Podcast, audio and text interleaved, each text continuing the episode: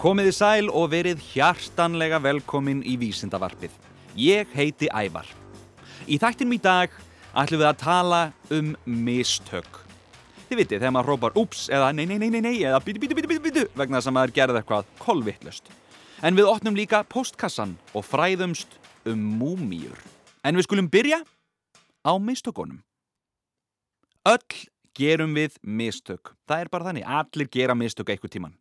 Þess vegna er strókleður á hverjum einasta blíjandi. En hvað er strókleður?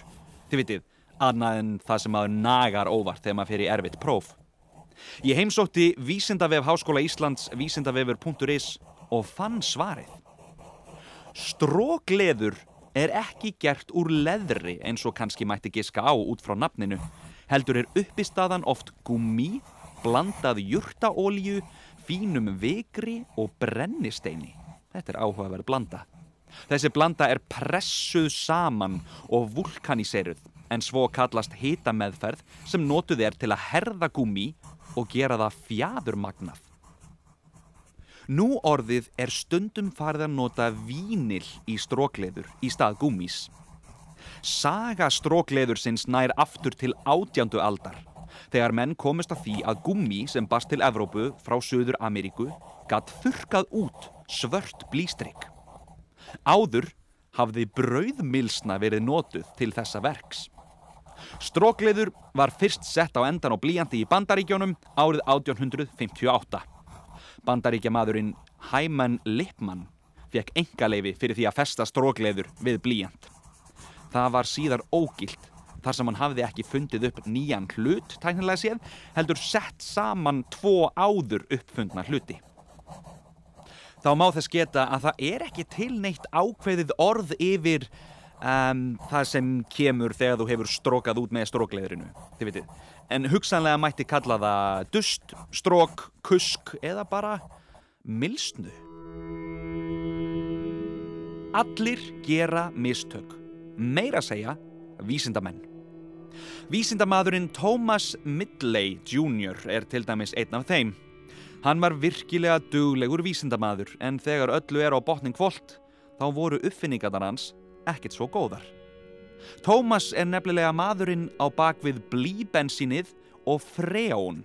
En í dag þá vitum við að þessi tvö efni þau eru stór hættuleg. Við skulum byrja á blíi í bensíni. Blí í bensíni var til þess að mikið af blíi barst út í andrumsloftið frá bílum. Um 1975, þegar nótkun blíbætts bensíns var mest, þá nálgæðist losun á blíi út í andrumsloftið 400.000 tonn árlega, sem er um 20 sinum meira en náttúruleg ferli afkasta. Um það leiti, áður en nótkun hófst á blílösu bensíni hér á landi, má áætla að um 20 tonn af blíi hafi verið í bensíni sem notað var á hverju ári bara á höfðborgarsvæðinu. Nú á tímum er blíbensín miklu minna notað en áður fyrr og styrkur blís í umhverfinu fer víða lækandi. Gott og vel, þá veitum við það en það var annað efni sem hann Tómas fann upp líka. Það var freón. Þetta er stór hættulegt efni. Þetta kæli efni það var notað í ískápa og var gríðarlega vinsælt. Alveg þanga til vísendamenn reiknuðu það út að efnið ætti stóran þátt í eyðingu ósónlagsins. Á síðustu áratugum hefur verið reynd að hætta algerlega nótkun freóns og mengunin frá því minkað sangkvæmt því. En mistök geta líka verið af hennu góða. Pensilín er síklarlif sem notað er til að vinna á bakteríusíkingum. Pensilín síklarlif eru mest notuðu síklarlif hér á landi og einhverju sem er að hlusta hafa kannski fengið pensilín.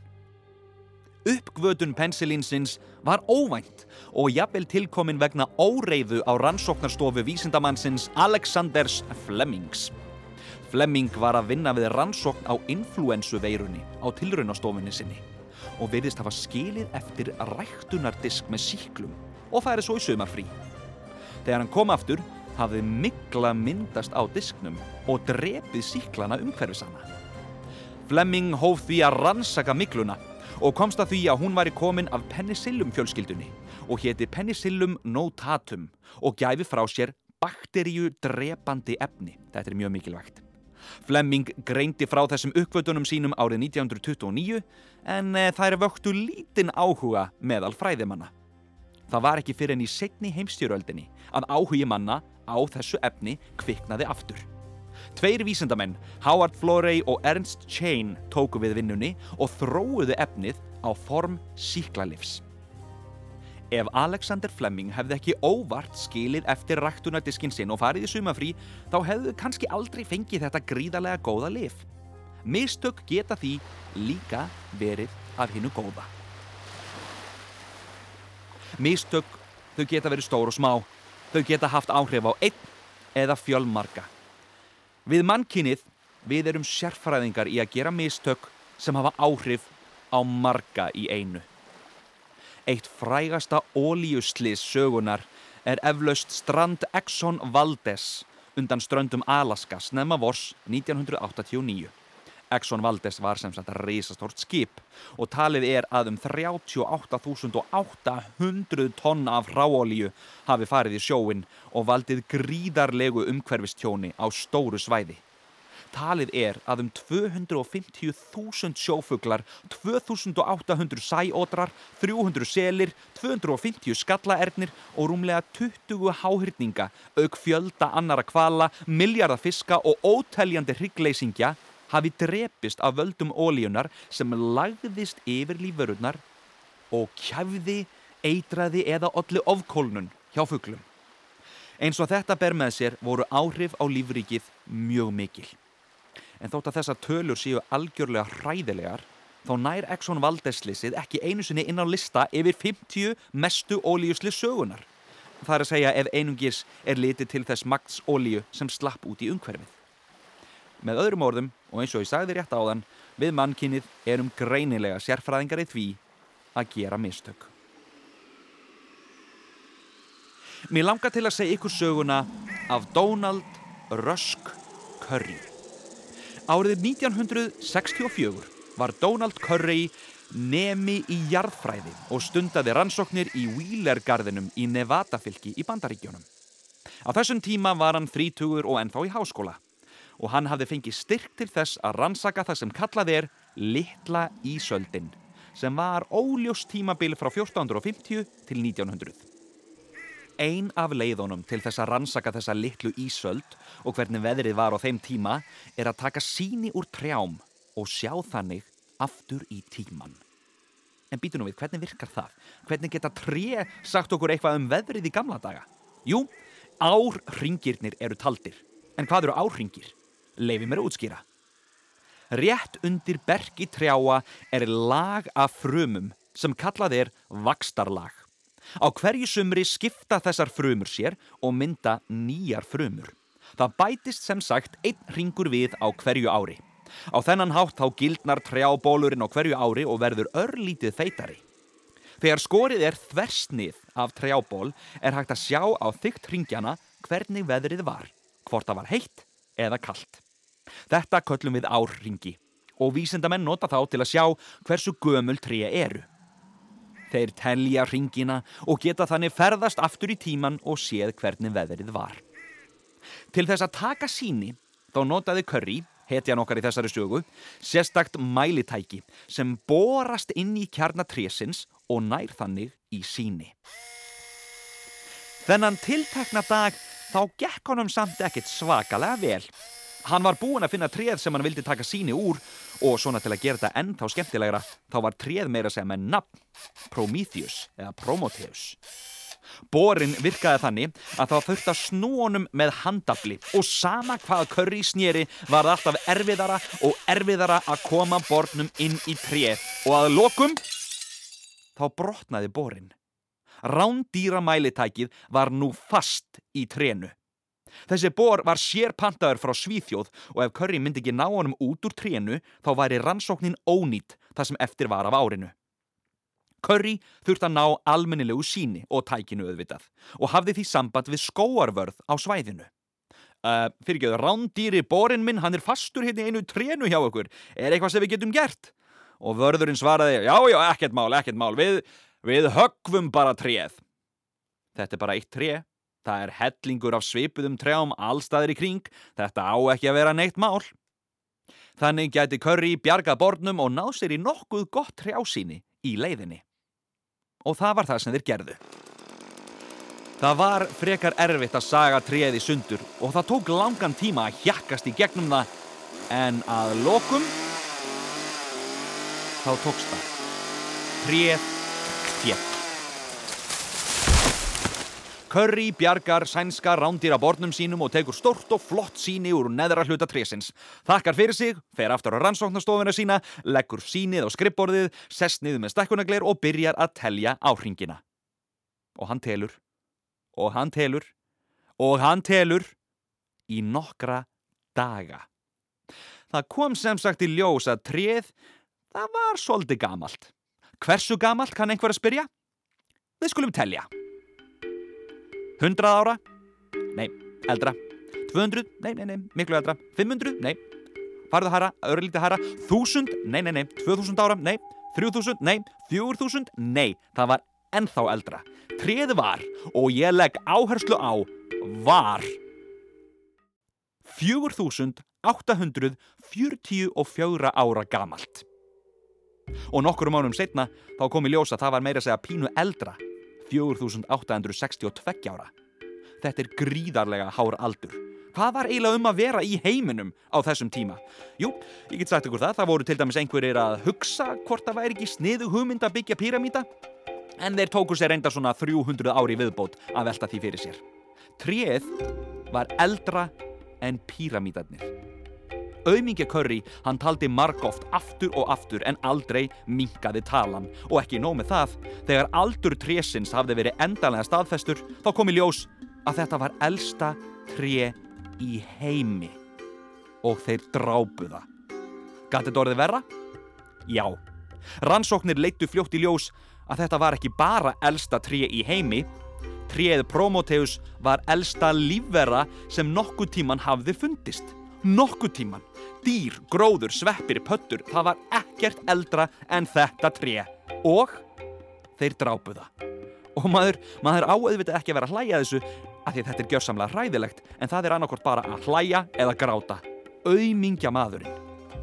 Curry, hann hjælt áfram eftir þetta að starfa sem jarðfræðingur og eitti stórum hluta æfisinnar í að rannsaka saltlendur þar sem engin tré voru í sjónmáli. Hann vildi aldrei tjá sig um þetta og ég skil það bara mjög vel. Hann var samt sem áður allatíð þekktur sem maðurinn sem drap eldstu lífveru jarðar. Góðu fréttinnar í þessu öllu saman eru þó þær að þessi mistök urðu til þess að gardurinn þar sem tréð gamla stóð ákvað að vernda öll tré af sömu tegund. Og þá má skjóta því inn í að vísindamenn telja að það eru til tré sem eru jáfnvel enn eldri enn Prometheus. Við eigum bara eftir að finna þau. Fyrir þá sem vilja vita meira um tré, þá mæli ég með Vísendavef Háskóla Íslands eða góðum gungutúr í heiðmörk. Það er komið að brefi dagsins, eða réttar að sagt brefum. Þessi spurning kom úr tveimur áttum, frá Sævari Þór Finnsinni og Viktori Bjarka Einarsinni. Hvernig voru múmjur búnar til? Þetta er góð spurning. Við skulum fá múmjulega tónlist, takk. Vísindavefur Háskóla Íslands segir að orðið múmia er notað yfir gömul, lík eða dýraleifar þar sem einhver mjúkvefur hefur varðveist. Algengast er að það sé húð en einnig geta líffæri, vöðvar og aðrir vefir geimst í langan tíma. Í sumum fornum menningarsamfélögum voru líkin smurð og yðrin fjarlægð, þetta er býna ógeðslegt, til þess að varðveita líkamann og var það hluti af útfarar siðum. En múmjur geta líka orðið til fyrir slisni. Mjúkvefir geta varðveist við varanlega fristingu, til dæmis þegar fólk hefur orðið úti upp á fjöllum. Sama gerist ef einstaklingur lendir ofan í súrefnislausri mómýri eða grefst ofan í þurran jarðveg á dauðastundinni. Meðal fyrstu múmia sem geimdust á þennan hátt voru mammútar, þið veitir, loðnu fílarnir, í Sýberíu. Holdsumra þeirra, hár og maga innihald hafa varðvist í sífræranum. Múmiur hafa einni fundist í steingröfum á vestuströnd Grænlands en engar slíkar hafa fundist á Íslandi hinga til. Í Egiptalandi má finna frægustu píramíta í heimi, píramítana í Gísa í norður Egiptalandi. Þeir eru meðal sjö undra veraldar og voru reistir á áránum 2575 til 2465 fyrir Krist, sem sagt fyrir um það byl 5000 árum. Það voru 20 til 30.000 þrælar, vinnumenn eða smábændur sem byggðu þá.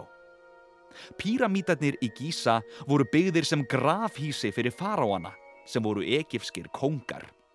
Forn Egiptar, yngar og aðra forðþjóðir fundu leið til að verja lík frá rótnun.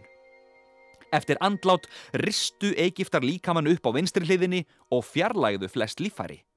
Hjartað var þó vanalega skilið eftir, en það töldu Egiptar það að vera miðju skinnsemi og tilfinninga.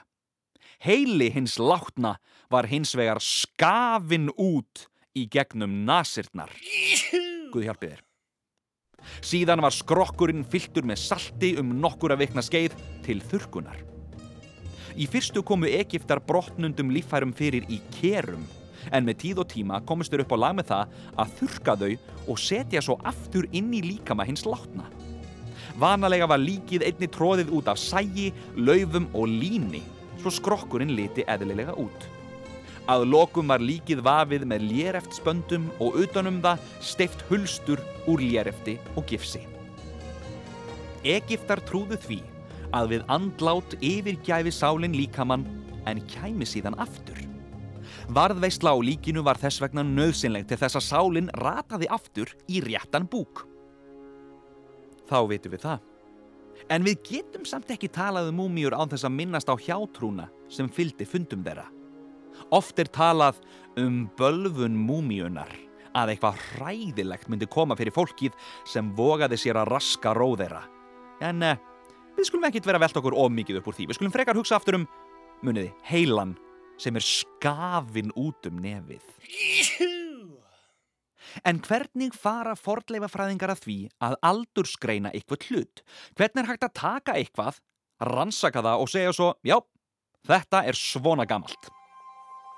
Engin ein leið er til sem hægt er að beita á öll efni eða alla hluti til að aldurskreina þá. Heldur nota fordleifafræðingar yfirleitt margar aðferðir saman til þess að komast að niðurstöðu um aldur minjana sem þeir rannsaka. Það var danski fordleifafræðingurinn Kristján Thomsen sem lagði grundvöllin að flokkun fordleifa eftir aldri á fyrir hluta 19. aldar. Þá sett hann fram svokallaða þryggja aldakenningu. Hann hafði tekið eftir því að úr eldstu jarðulögunum komu engöngu áhöld og grepir úr steini en úr yngri lögum kæmu líka hlutir úr bronsi og úr enn yngri lögum gripir úr steini, bronsi og járni. Kenning hans var því að fyrst hefði verið steinöld, síðan bronsöld og síðast járnöld. Það eru margir hlutir sem spila inn í þegar verið er að aldurskreina hlut og í raun mætti segja að fordleifafræðingar séu spæjarar.